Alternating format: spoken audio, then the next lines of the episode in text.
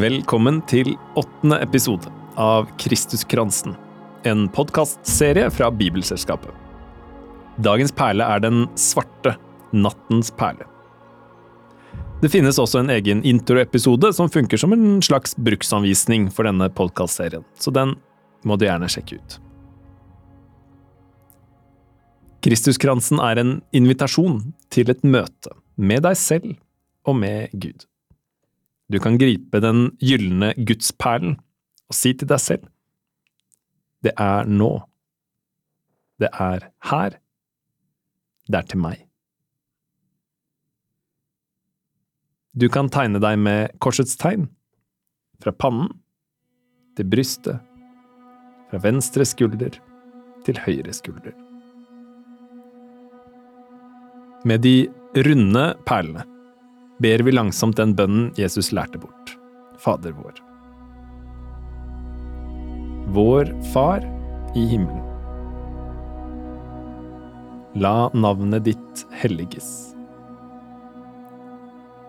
La riket ditt komme. La viljen din skje på jorden slik som i himmelen. Gi oss i dag vårt daglige brød. Og tilgi oss vår skyld. Slik også vi tilgir våre skyldere. Og la oss ikke komme i fristelse. Men frels oss fra det onde. For riket er ditt, og makten og æren i evighet. Amen. Grip gjerne tak i dagens perle, den svarte nattens perle. Hvorfor ha med nattens perle i Kristuskransen? For det første, holder det ikke med ørkenperlen? Noen har sagt det sånn, ørkenperlen minner meg om de vanskelighetene som jeg, tross alt, kan komme meg gjennom, vanskelighetene som gjør meg sterkere. Så den usagte andre siden av det utsagnet er at nattens perle er det jeg ikke kommer meg igjennom. Det er der hvor det er bom stopp. Det som ikke dreper deg, gjør deg sterkere, sies det. Men det betyr jo at det er faktisk da noe som dreper deg. Så for det andre, hvorfor ha med en så ubehagelig påminnelse i Kristuskransen? Hvem vil drasse rundt på et sånt armbånd? Så skal det jo sies at den hvite oppstandelsesperlen skimrer der, bare to hakk bortenfor. Kan tenke, er det ikke barnslig å bli trist eller skremt av en film du har sett før, der du veit at det går bra til slutt? Er det sånn det er?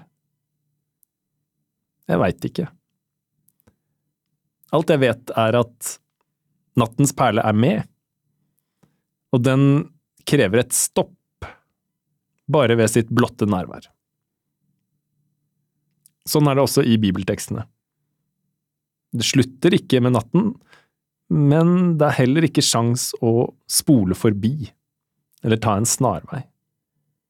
Igjen og igjen tvinger tekstene fram et stopp.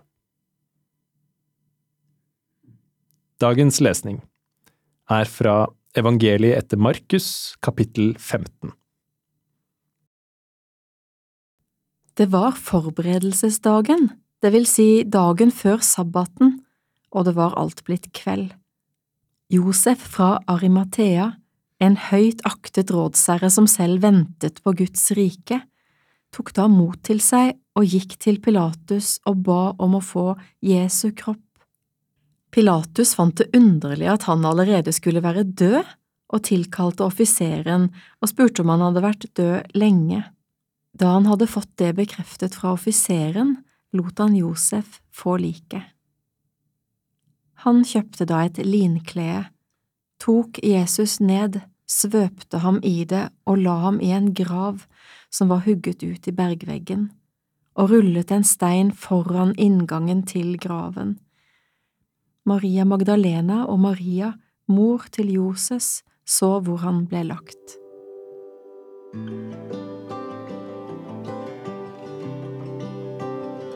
Kan du merke om du er stilt overfor en situasjon som tvinger deg til et stopp? Kjenner du det som en fornemmelse? Eller en altomfattende erfaring? Eller et sted midt imellom? Hva vekkes i deg i møte med det? Frykt? Sinne? Resignasjon? Skam?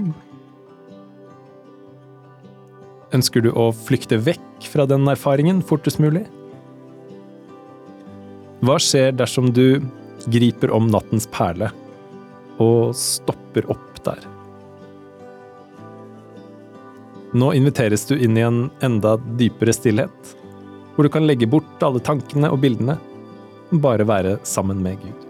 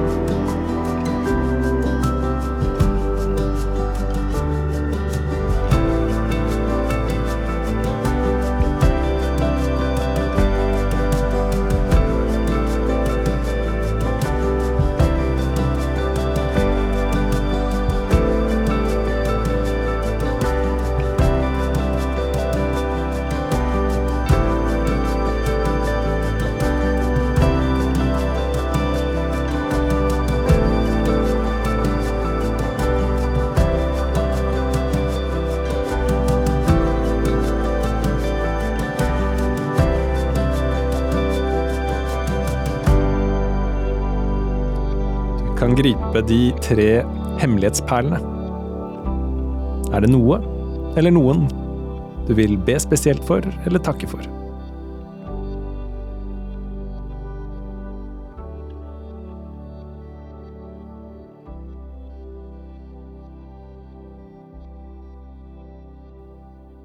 En praksis det går an å teste ut i løpet av de neste dagene.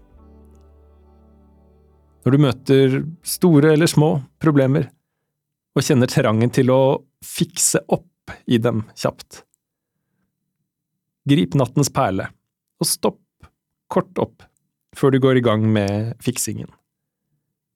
Ligger det noe nyttig og viktig informasjon til deg i opplevelsen av selve problemet? Til slutt kan du bruke de avlange stillhetsperlene til å be velsignelsen. Herren velsigne oss og bevare oss. Herren la sitt ansikt lyse over oss og være oss nådig. Herren løfte sitt åsyn på oss og gi oss fred. Avslutt med å gripe Guds perl med ordene Gud Faderens, Sønnens og Den hellige ånds navn.